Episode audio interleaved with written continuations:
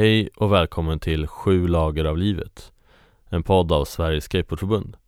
Jag heter Niklas Boström och i podden kommer vi att träffa personer från Sveriges skatescen och fördjupa oss i vilka de är. Vi gör podden i samarbete med Ljudbang och spelar in i en av deras fantastiska studior.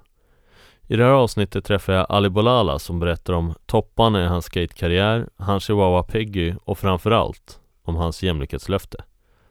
Nu kör vi! Nu sitter jag här i, i studion med Ali Bolala Hej! Hej hej! Hur är läget? Jo det är bra. Hur, eh, hur har dagen varit så här långt?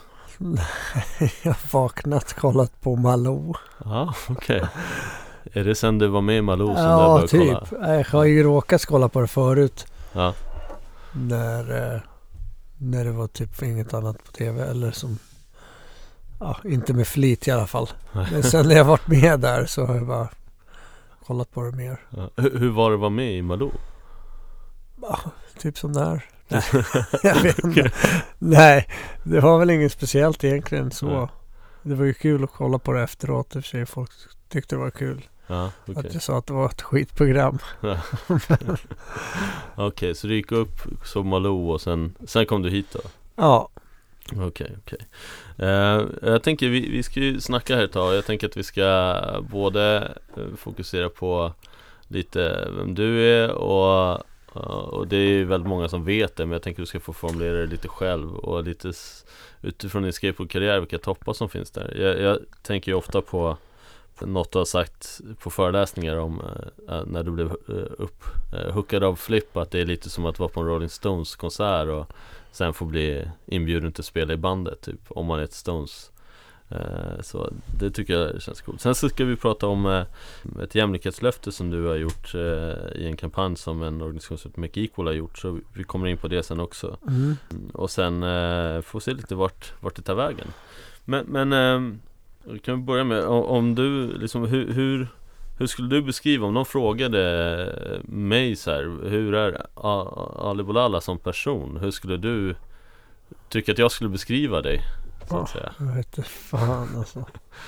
Det där är svårt alltså. ja. men, men är du eh, Gillar du att vara liksom ensam eller vill du vara med mycket människor eller Nej, då skulle jag nog säga ett ensam Ja, hellre. Och, och vad ska, vad, när du är ensam, vad, vill vad gillar du att göra då? Kolla på Malou. Nej, skojar. Nej, typ spela gitarr eller piano. ah, okej För det, ja.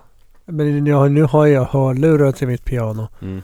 Så det är ingen annan som behöver vara drabbad när jag sitter och övar liksom. ah, okej och, och det är ett av dina nya intressen? Mm, Eller har du spelat piano länge? Nej, absolut inte. Hur länge har du spelat piano? Men eh, jag fick typ förra året när jag fyllde år fick jag ett piano av min Ja. tjej. Ja, Och sen, eh, sen dess. Ja. Ja. Eller om det var det två år. Nej, förra året tror jag det var. ja okej Och gitarren då? Är det något du har spelat länge? Ja, det är ganska länge. ja. Jag kommer ihåg eh, att jag var i Australien. Typ andra gången jag var i Australien. Så bara, äh, jag köper en gitarr typ. Mm. Så började jag spela. Och det var helt jävla omöjligt. Typ som när man började skata. ja, bara såg bara, vadå kan man hoppa upp utan att ha fast brädan i fötterna? ja, Typ sån. Man bara, det, det, det blir skitsvårt liksom. ja, Men sen när man nöter tillräckligt mycket så, så Ja. börjar det funka. Vad, första gången du såg skateboard, vad var, kommer du ihåg vad du såg för något? Eller vad? Nej, inte så. Men jag, jag, vi var med familjen på typ Gran Canaria eller Ja, Mallorca. Nej, jag tror det var Gran Canaria.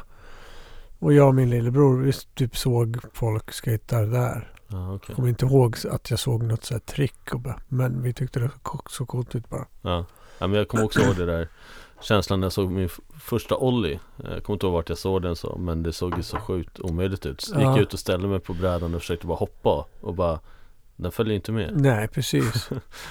så, Men jag tror vi såg nog folk olla där men vi fattade Ja. inte liksom vad det var. Nej, Men sen kommer jag ihåg när vi hade börjat och när vi kom hem. Så var det en snubbe i Birkastan.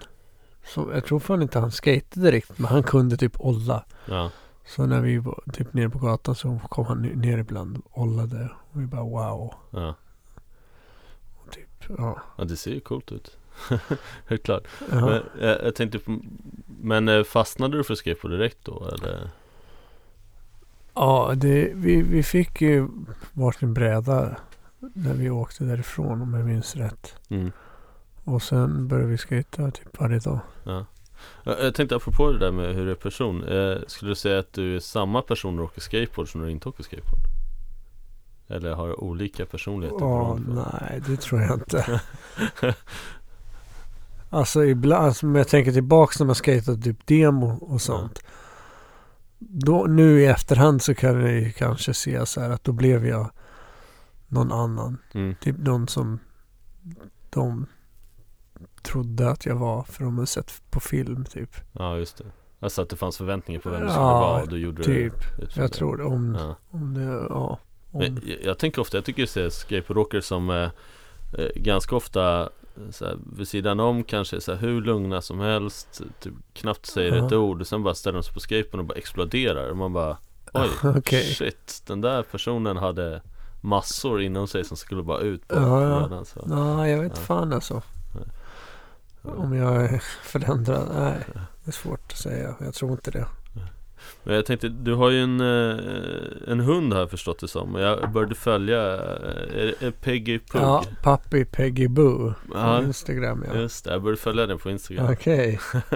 eh, Vad, berätta om, heter hunden Peggy? Ja. Ja, berätta om Peggy Nej, det är ju en liten chihuahua bara som följde fem år precis nyss. Mm.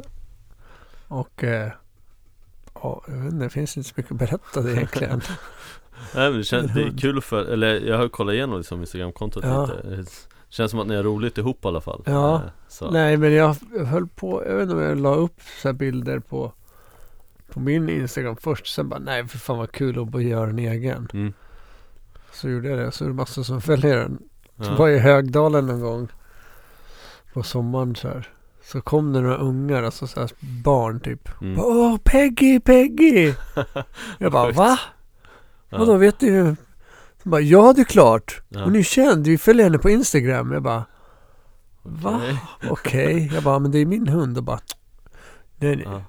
Den bara, vet du vet inte vem Peggy är? Visste de vem du var? Nej. Shit. Visste bara, "Åh, Peggy. Peggy är mer känd för, än dig då Ja, i, precis. i Höjdalen där Men jag har ju gått där förut. Så här, när jag ska lämna Peggy till mitt ex där som vi delar på hunden Ja. fortfarande. Då har jag hört få, så här, ungar skrika från långt ifrån. Bara Peggy! Så bara, vad fan? men, men jag såg när jag började följa den så, så sökte jag bara på Pug Och då fanns det jättemycket sådana hund Ja, precis. Eh, Det var, vi pratade lite innan vi började spela in om här, att det finns subkulturer i nästan allting Det verkar ju finnas där också Ja, fy fan. Hundar och Ja, exakt. Det var lite sjukt Eh, så. Eh, Men, men jag tänkte apropå det, det Att Peggy då var mer känd än dig när du var i Höjdalen Jag tänker utifrån din skateboardkarriär Ja. Du har ju varit en av världens mest kända skateboardåkare Eller eh, är väl fortfarande det på många sätt och vis eh, eh, Och en, en person som jag har sett upp till jättemycket Och följt när du har åkt skateboard så här. Men jag, jag är nyfiken på hur du Om du får beskriva din skateboardkarriär och så här, vilka toppar som eh, du har haft, alltså så här, höjdpunkter i skatekarriären Vad skulle du kunna lyfta, få fram då? Eller har du några specifika? Nej, inte direkt. Eller jo, det har jag egentligen också. Men jag, tänker Någonting som jag tyckte var en mega hög, höjdpunkt var Jag tror att jag hade precis blivit sponsrad av G-spot. Mm. Så åkte vi till Münster. Monster Mastership. Just det mm. Världskuppen där. Och så skejtade jag på ytan. Och jag tror jag var med och tävlade till och med. Men eh, jag tror också att James Holm, och nu kommer jag ihåg vem det är, en Mm. Göteborgs fotograf, tog Mm. en bild på mig när jag gjorde 180 över handrailet på ytan. Mm. Sen eh, var den bilden med typ i någon katalog eller någon tidning, jag kommer inte ihåg. Mm. Men det var, tyckte jag var fett att jag hade typ en hel sida. Mm. Men det absolut fetaste var att i bakgrunden på bilden så sitter Mike Carroll, Sean Sheffy och Rick Howard. Ah, coolt. Och det var så jävla fett liksom. För Ja. Mike Carroll var min absolut favoritskatare genom tiderna. Ja, Så det var typ en mega höjdpunkt i alla fall. ja. Och eh, ja, jag vet inte om man kan hitta den bilden någonstans. Men det vore ju coolt. Jaha, eller hur? Jag, har tänkt på D-spot, eh, butiken. Ja. Att för oss som är från skateboardkulturen så är det givet att det är en butik. Men jag funderar på hur det uppfattas från Ja, jag vet andra fan utanför. inte heller. Om de tänker det som en butik eller något annat. Ja, vi behöver inte fördjupa oss i det. Men, men jag, jag, jag har Det tänkt var i alla det. fall en mega höjdpunkt. Ja. Jag hade en bild och Mike Carroll var med i bilden. Det är Och coolt. kollade, man såg att han såg att jag ska, gjorde Ja, en trick där.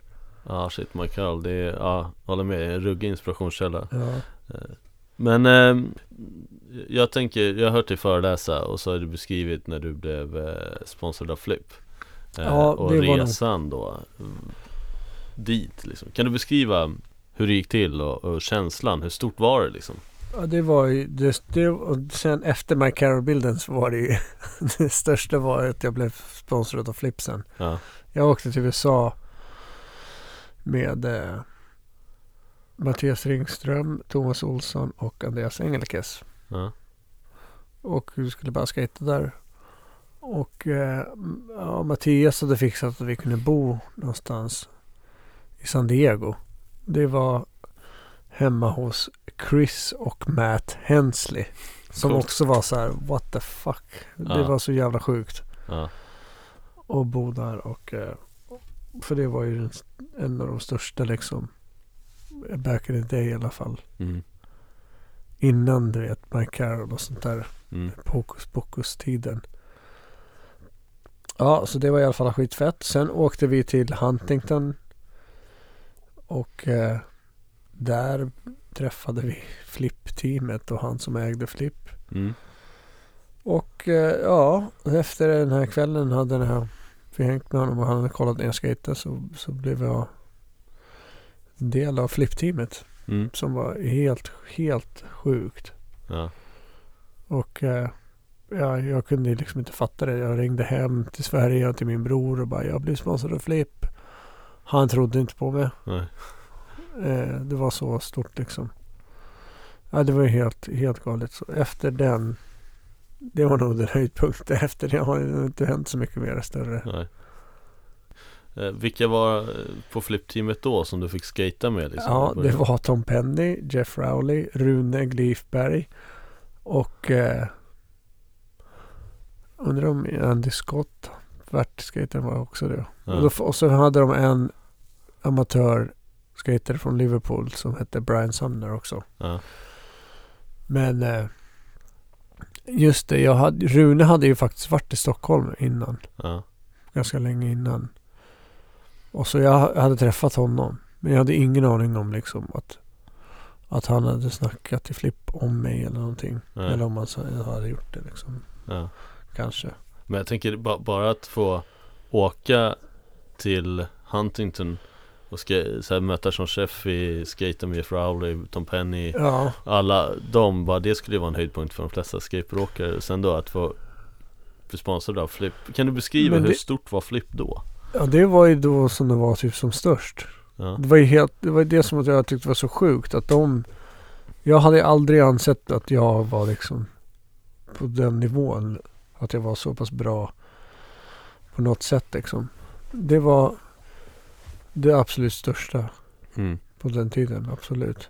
kan, kan du jämföra med någon märke idag som är liksom, Nej, det är fan svårt alltså. Det för sig finns så många olika stora idag Exakt. Ja, ja för jag kommer också ihåg hur Flip var verkligen giganten liksom Ja. Det så, ja, och då blev det blev ju bara typ större sen dess. Ja, Och sen när vi gjorde f- f- flippfilmen där. ja Var Flip Sorry Sorry Ja. 2 sen ja. Eh, jag, jag tänkte på en annan del som liksom hänger ihop med skatekarriären Det är ju eh, hur du påverkade modet inom skatescenen hur, hur kommer det sig att du här, för, för som jag har förstått det så Mm. bytte du klädstil över en natt typ Ja. Och vad, varför gjorde du det och liksom, hur tänker du kring det? Eller hur kändes det att vara modeikon också? Nej, det var ju inte med flit. Jag tänkte inte på det på det sättet Nej. alls. Men för det jag såg, jag fick en bild. Jag tror det var från, från Dustin Donlin nyligen. Si- Sista kvällen jag hade baggies. Ja, Men det var ja, nu har det blivit värsta historiska bilden så. Men det visste vi inte då liksom. nej. Men eh, det var jag, jag och eh, Jim Greco. Bara, nej men imorgon så, så, så köper vi tajta jeans bara. Ja, Och så gjorde vi det. Men vi koll på, vi lyssnade mycket på punkmusik. Vi hade lyssnat jättemycket på hiphop. och Speciellt Biggie Smalls och på Mob Deep och sånt. East Coast. mm. Och mycket punk också. Och sen en dag eller kväll så bara vad fan. Varför har vi baggy jeans på oss? Vi ska Mm. ju ha som de har. Som Mm. Ramones. Så gjorde vi det. Jag Ja. bara, "Nej, jag vill köpa en sån där läderjacka som Sid Vicious har. Så gick vi till någon pawnshop. Jag har fortfarande samma med första den jackan kvar. Jaha, okej. Och så var det inget mer med det. Folk trodde att vi skämtade. Att vi så Ja. gjorde en jävla maskeradjippo-grej. Men, men det var på riktigt. Men hur kändes det sen när du märkte att det var en grej som folk blev influerade utav, så påverkade? Ja, jag vet inte riktigt. Men jag tänkte mycket på det. det var liksom... Ja, det, jag, jag såg inte ens på det sättet liksom. Mm. Ja, det var sjukt. Och det är skumt att det blev som det blev.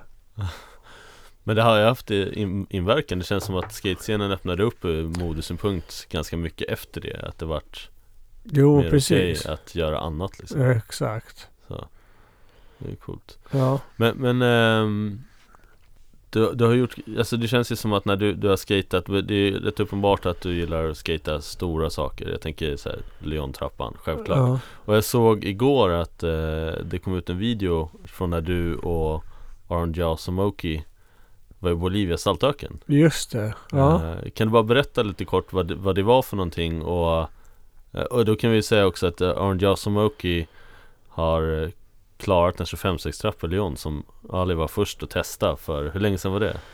Vad fan, jag vet inte. Nu- 2002 kanske? 2002? Ja, så det är ja, 15 år sedan typ. Ja. Och det är bara ni två som har försökt och han Ja. satte det senare Men du kan ju berätta själv, den här grejen i Bolivia och hela den Ja, grejen med. Aron Ja, Ja, det var... Alltså det var ett produktionsbolag från, från Tyskland som heter Bear Calling. Eller Bear Callings. Kanske de heter. Som... Eh, de gör ju massa musikvideos och bara massa coola filmer liksom. Så blev de eh, kontaktade av, eh, av Bayer, tror jag de heter. Ett läkemedelsföretag. Och eh, de skater, de som är filmare och kreatörer för det här produktion, produktionsbolaget skater och de kände till den här 25-stegs trapp-historien liksom. mm, Så pitchade de lite olika idéer och, och den här 25-trapps-idén. De fick någon idé så här. Åh ja, vi gör en metafor med, med de här två skaterna liksom. mm, Och eh, de ville göra den skategrejen. ja, Så då kontaktade de mig och Jaws. Och frågade liksom hur vi skulle känna för att göra en sån här grej. ja Och jag bara, nej men det låter coolt. Ja. Absolut. Eh, Var tittar man om man vill se den? Den finns på YouTube, filmen. Ja, Vad fan heter den? Leaps by Buyer. Lips på Bayer, aha ja, Jag hittade den vid ditt Instagramkonto Ja, okej. också Ja. Eh, Men eh, du, hur var det att vara i saltöken? ja, det var ju, alltså jag fattade först inte. Det var lite olika locations som de höll på att klura på först. Sen bara, okej, now Bolivia. Jag bara, okej, ska vi, Bol- vad fan finns det där liksom? Mm. Kokain. Det var typ det enda jag visste. och sen, eh, ja, så visade de lite bilder och så. Jag bara, wow, fan vad skumt, okej. Så fattade jag fortfarande inte tills att jag kom dit. Mm. Och bara, aha, fy fan vad galet det ser ut liksom.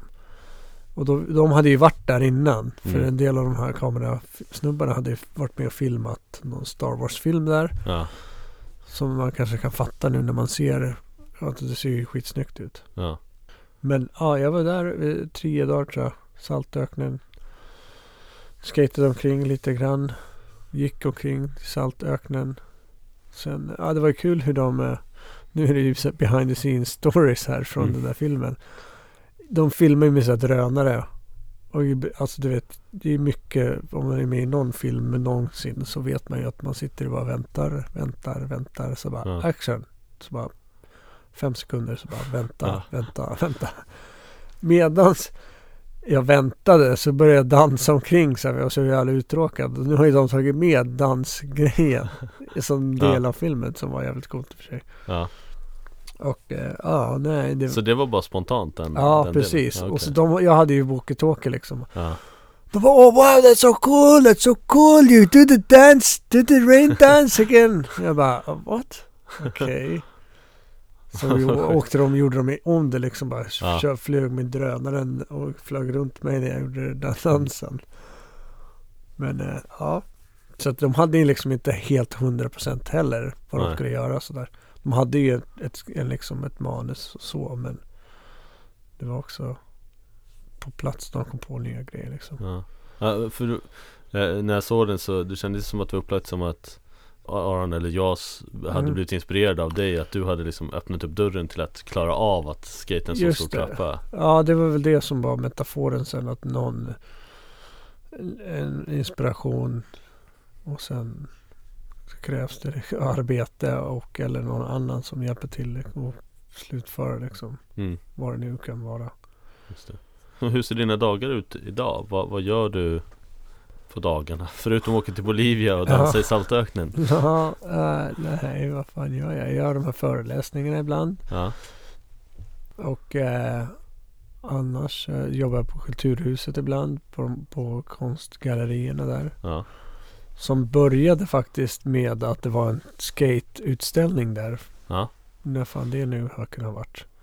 ja Det var typ 2014 någonstans tror jag Ja, Om det är den med plattan eh, Exakt. Ja, Vad fan hette Jag kommer inte ihåg vad den hette nu.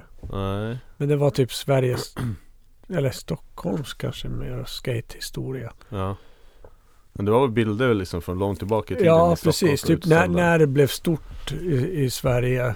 Ja, Och precis just i plattan där. Galleriagången. Slutet på 70-talet eller vad det var. ja, Så allt från och med dit då till nu var det handlade om. mm. Så var jag publikvärd på det. Ja okej Sen eh, har jag varit kvar där och gjort samma fast på de andra utställningarna. ja. Och eh, ja, Och du är domare också ibland? Alltså, ja skateboarddomare. skate-tävlingsdomare absolut. Ja. Hur är det då? Nej, det är kul. Jag tror jag har varit det någon gång för länge, länge sedan liksom. Ändå. Och eh, fast nu gör jag det mer. Ja, det är kul. Ja. Vara med och döma lite. Hur dömer man då? Det känns som att det är subjektivt alltså att det Ja, det är ju det. Absolut. Därför det måste ju vara några, minst typ tre domare för att för att göra det liksom korrekt. mm. Eller vad man ska kalla det. Mm. För någon.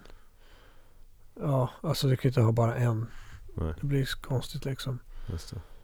Men ja, det är jävligt olika liksom.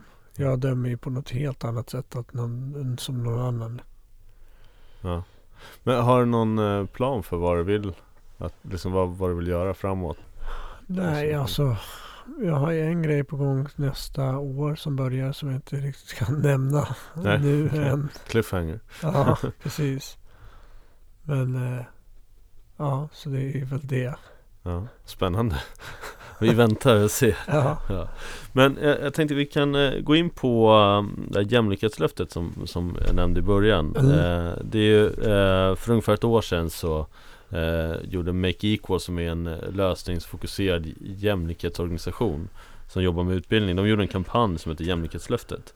Och där så var det ju olika kända personer och icke kända personer som avgav då jämlikhetslöften. Jag, jag avgav också ett. Jag så Mm. de det i sitt Instagramflöde och du avgav ett också. Ja. Jag tänkte bara läsa upp vad det står ja, eh, och, och sen tar vi det därifrån. Eh, och på ditt jämlikhetslöfte så stod det då att jag tror att samhället kan bli jämlikt om vi alla är med i förändringen. Eh, för att lyckas med detta måste vi gå från problem till lösningar. Vi måste göra jämlikhet. För att komma närmare målet avger, avger jag idag följande jämlikhetslöfte. Eh, jag ska fortsätta bära mitt Make Equal smycke och börja informera om innebörden. Eh, tillsammans med Make Equal gör jag samhället mer jämlikt. Gör som mig och avge ditt jämlikhetslöfte du med. och det här var ju då på Instagram Mm. eh, Alla som gjorde det här fick ett Make Equal smycke eh, Så jag Ja. gjorde också ett och fick ett smycke Och sen har ju Make Equal använt det här på olika sätt eh, Ja, jag såg till och med när jag var med på TV att det syntes där. ah, okej Fast det eh, hade jag miss- missat helt. Själva smycket eller Ja. löftet? Nej, ah, okej. smycket. Ja, ah, du hade det på dig? Jag hade det Ah, på okej. mig. Ah, snyggt. syntes. Ja, ja, jag använder mitt det lite för lite känner jag Nej, precis. Och nu, då sa jag att jag skulle ha jämnt och ha bära det och så gjorde Ja. jag det. Men nu har jag inte på mig det för att det har pajat. Jaha, okej så har jag fått ett till som också har pajat. Ja, okej. Ja, jag har inte heller mitt på mig. men men eh, när det, hur kommer det sig att du gjorde jämlikhetslöftet och varför kände du att det var en viktig sak att göra för dig? Nej, jag vet inte. Blir frustrerad och irriterad på hur det, hur, hur det kan vara så ojämnt liksom. Mm. Så jag tänkte väl att eh, om jag går ut med det här och visar att jag står för det här så kanske det kan hjälpa på något sätt. Mm. Och vad är det du upplever som, som du ser eh, som är ojämnt liksom? Hur, hur upplever du att det är ett ojämlikt och ojämställt samhälle? Nej, för en grej som inte jag hade någon koll på alls var till exempel lönerna. Ja, Som är helt galet. Som bara en sån grej. Att det spelar liksom ingen roll vad du gör för jobb utan det spelar roll vad du har för kön. mm. Och vad ska du, hur mycket pengar du ska få på grund av det. Mm. Som är, bara det är så jävla orätt- orättvist. Så att, ja. Mm. Och, och jag tänker ehm, om du så här, försöker titta på skateboardkulturen ur ett så här, jämlikhetsperspektiv och tänker så här, utrymme i media, eh, förutsättningar, sådana saker. Eh, och, och sen så här, tittar tillbaka i tiden. Hur ser du, hur ser du på när liksom, du växte upp på jämlikheten och skatescenen och idag? Om Ja, det går att göra en sån parallell? Jo, men det, det har ju blivit mer ojämnt. Eller nej, jämnt menar jag. Ja, Fast det är ju inte jämnt. Alltså det, det, ja, Men det är också det, det är mer, mer tjejer som syns helt enkelt. För Ja. när jag började fanns det ju noll. ja, Och sen fanns det Elisa Steamer. Eh, Som jag såg för att jag kände henne. Men det, var den, det fanns ingen annan. Men nu finns det väl lite, några stycken fler. ja. Fast egentligen finns det ju jättemånga. Men som Ja. man ser liksom. Så är det ju. Ja, det känns som man måste söka ganska mycket för Det finns många tjejer som skejtar men vill man se dem skejta så får man så här leta sig igenom Instagram-flöden Ja, precis. och sådär Så bara hittar man as, asgrymma eh, olika Men jag vet inte, det är väl inte lika många som gör det helt enkelt. Det går inte att tvinga folk att börja åka skateboard bara. Och nu måste vi ha mer tjejer så nu måste tjejer börja åka skateboard mer. Det Mm. är svårt också. Om någon hade sagt åt mig bara står den här plankan, du ska hoppa med den här. Det skulle jag inte bli så jävla sugen. Nej Men jag tänker på um, utifrån eh, det, det är många som eh, alltså, Det gäller ju inte egentligen bara tjejer. Det kanske gäller alltså nybörjare i stort Men sen kanske ännu mer då eh, Eller inte än, ännu mer men sen nybörjare tjejer eh, Personer som kanske alltså icke-binära som inte eh, identifierar sig med något kön eller, eller, transgender så. Ja, som beskriver att de känner att det finns en så här osynligt hinder att kliva in och börja åka skateboard. De vill åka skateboard men de känner sig inte välkomna in. Eh, hur tänker du kring det? Va, va, vad ser du att det skulle kunna vara eller vad det kan bero på? ja det, jag vet inte, det är svårt. Men det, jag kan tänka mig att det kan vara lika för alla jävla grupper som man försöker bli en del av. Mm, Att man, man, ja, man är ju liksom utomstående tills man inte är det. ja, Så att, eh, ja, det vet inte.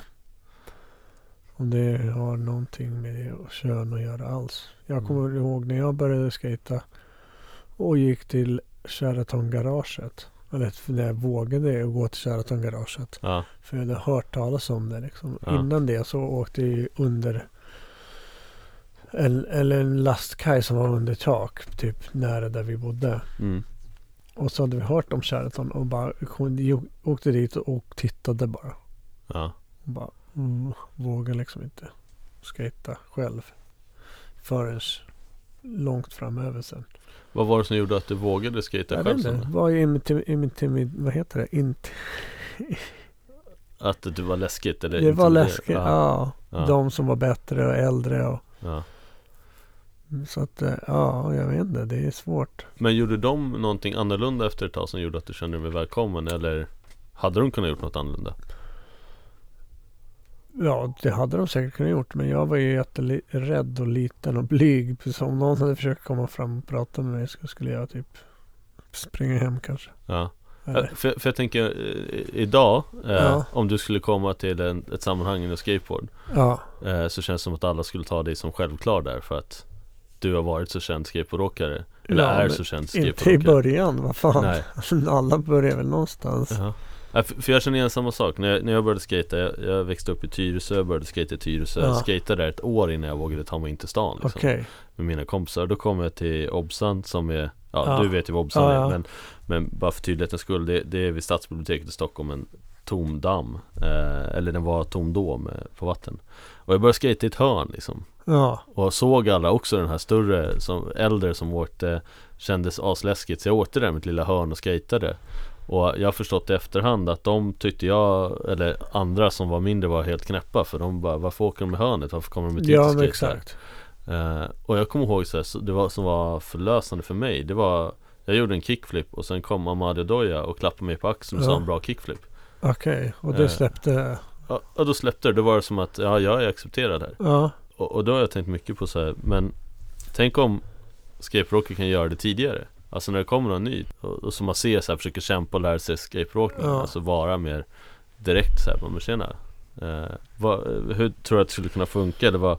Jo, Eh. absolut. Ja, men jag vet ju bara för mig själv att jag höll ju mig till min lastkaj. Parke kallade vi det för. Ja, Det var typ jag och min bror och två andra bröder som var nästan bodde grannar med oss. ja, Och det var, det var vi som var, vi hade typ börjat skata samtidigt då. ja. Men sen tänker jag på sådana saker som eh, Du beskrev i början när du kom eh, När du blev upp eh, Alltså när flippteamet ville att du skulle börja skata Ja. för dem. Alltså du får rätta mig om jag har fel Men jag tänker mig att när, i början där så är det så svårt att identifiera sig med att jag ska vara med på flippteamet Ja, För att det inte funnits någon innan som riktigt har gjort det från Sverige exempelvis eh, Eller det har funnits proffs från Sverige men att det är så här stort, det är svårt att identifiera sig med ja. Nej, eller så kände jag inte heller liksom. Jag Men för att alla på flippteamet var ju också från Danmark, Ja, England. just det Så det var så här. Då kändes det helt normalt att jag att bara, ja, Sverige, vadå? Vi är alla europeer här bara. Ja, så det var tvärtom istället, du kunde identifiera Ja, med- direkt. Ja. Absolut. Och ägarna och allt det där var Deathbox förut hette det. mm, Som var engelskt brädmärke. ja, Som sen flyttade till USA. Så ja, de hade ju Så att, ja, jag vet inte. Så det kändes ju självklart liksom. Bara, aha, fan vad coolt att jag fick vara med dem. ja.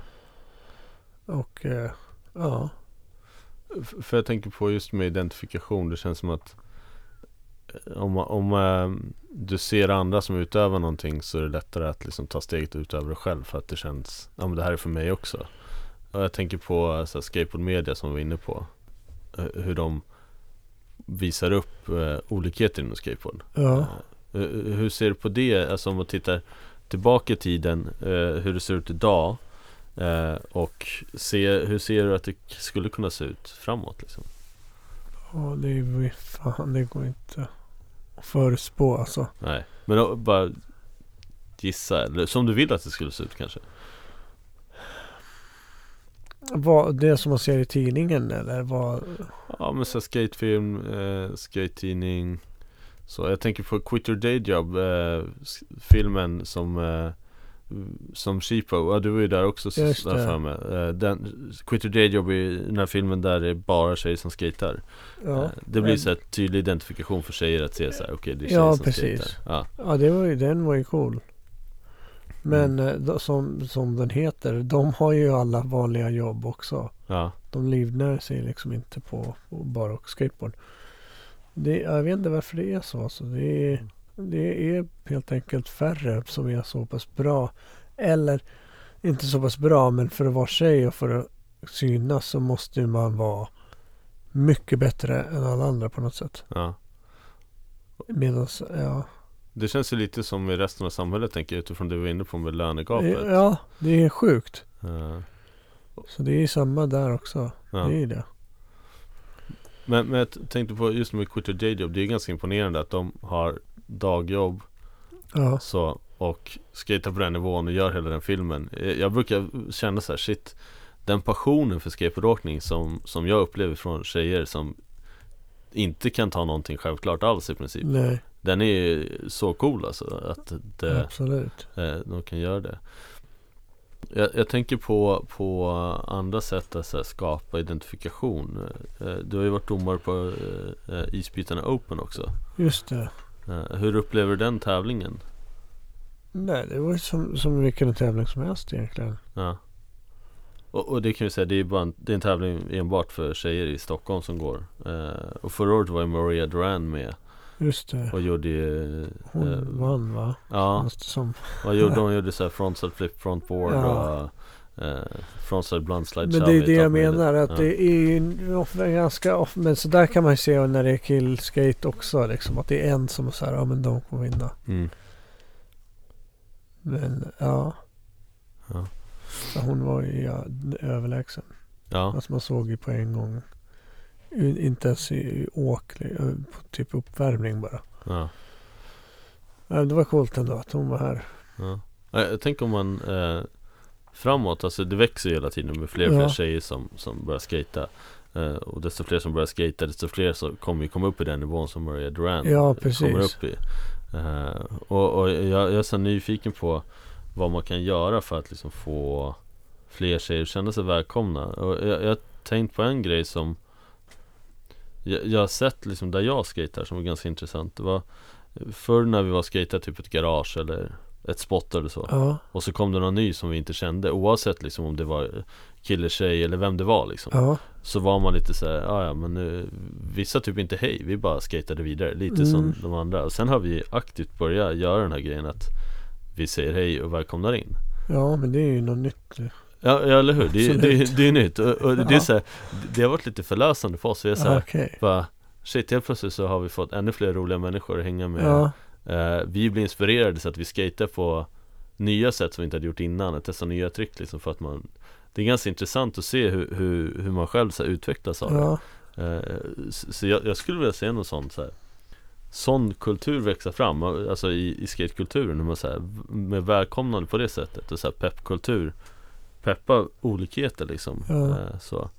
Men, men jag tänker på Som eh, när Brian Anderson kom ut nu Han har ju varit i Ja det är 20 år som proffs och varit i garderoben liksom mm.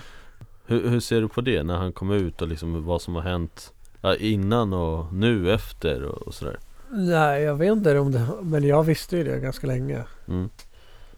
Men då hade, det var innan han hade kommit ut och gjort den här filmen och det. Ja, Men som för mig så är det, ju- spelar det ingen roll. nej, Men jag fattar ju liksom att för resten av skatesamhället så har det, det har typ varit en proffs, ett proffsskatare som var gay mm. som körde för Birdhouse tror jag. Och när han kom ut så fick han sparken. Ja och det sänder inga så tydliga signaler ja, precis. Men, men så det krävdes ju någon som var så lika stor.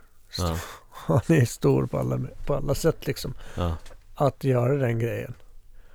Det är ju sjukt att det skulle vara så.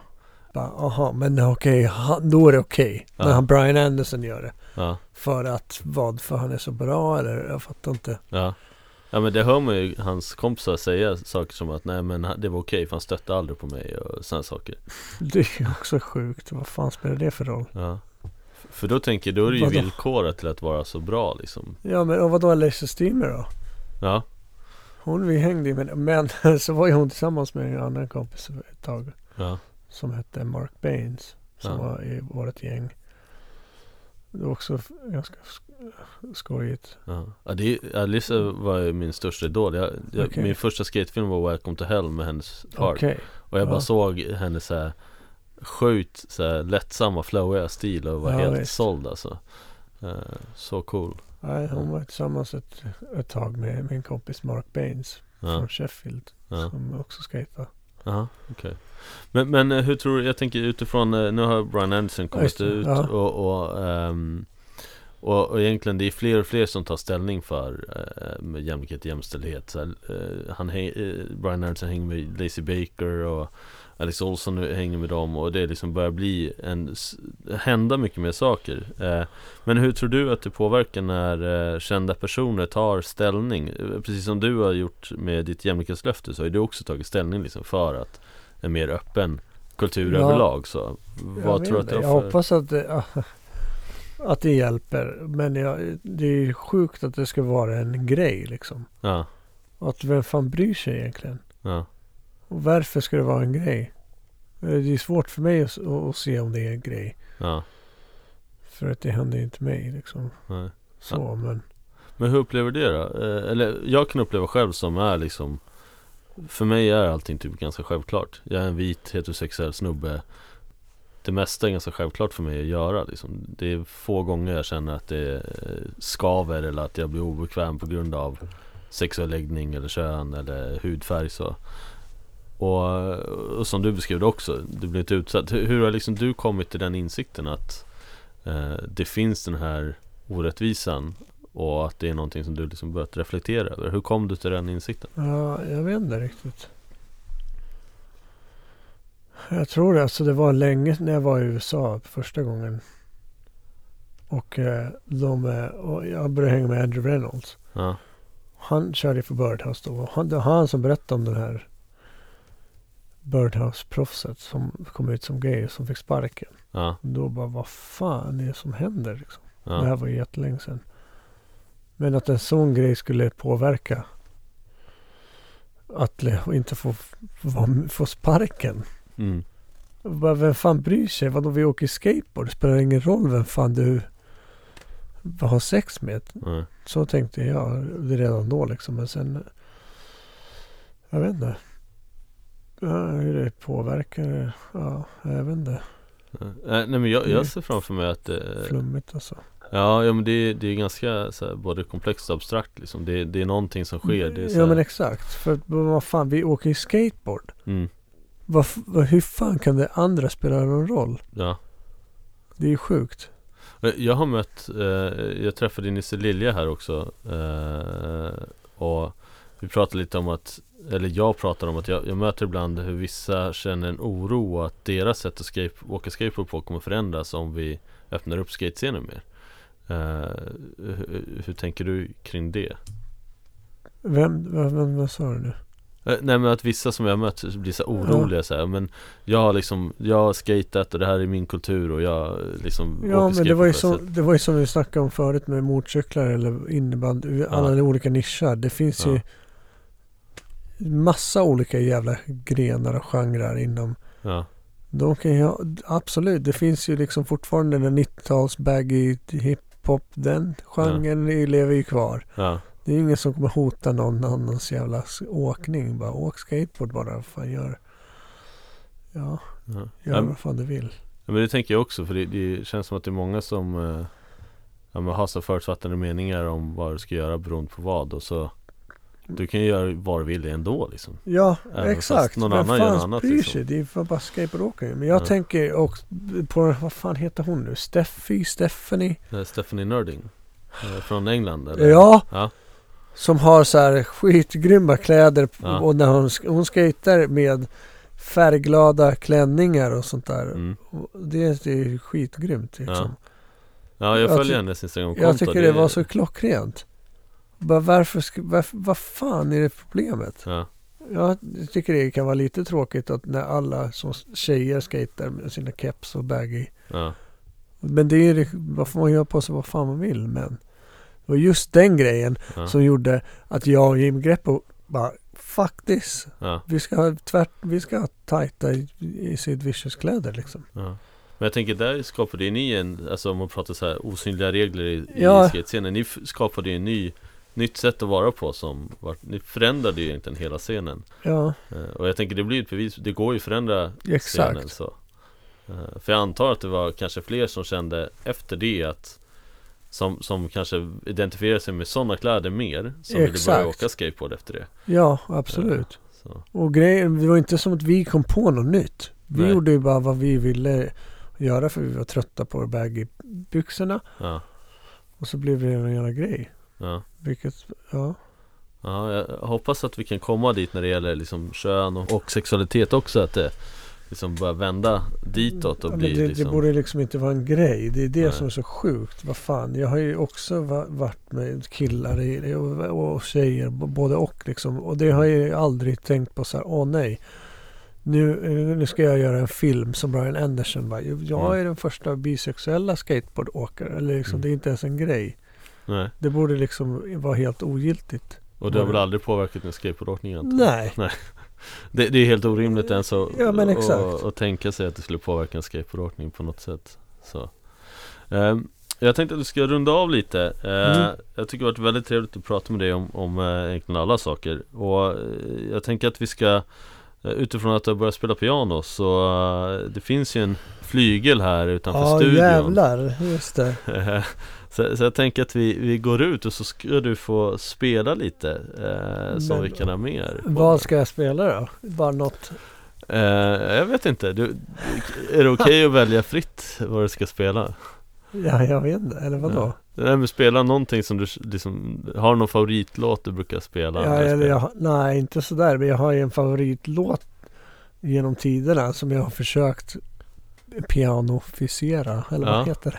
Ja, Som, V- eh, vad är det för låt då? det är en låt som handlar om eh, att man kan inte sluta sina armar runt ett minne.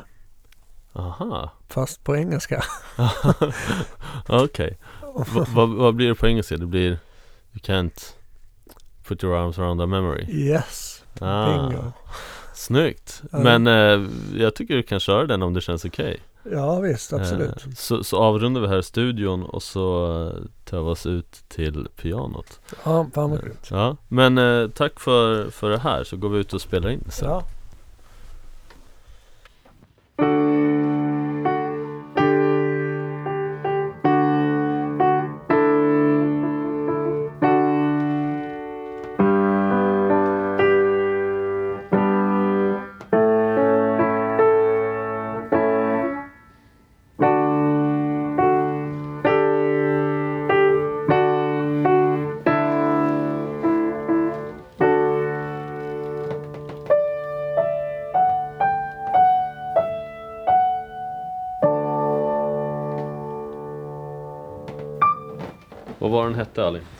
Can't put your arms around a memory.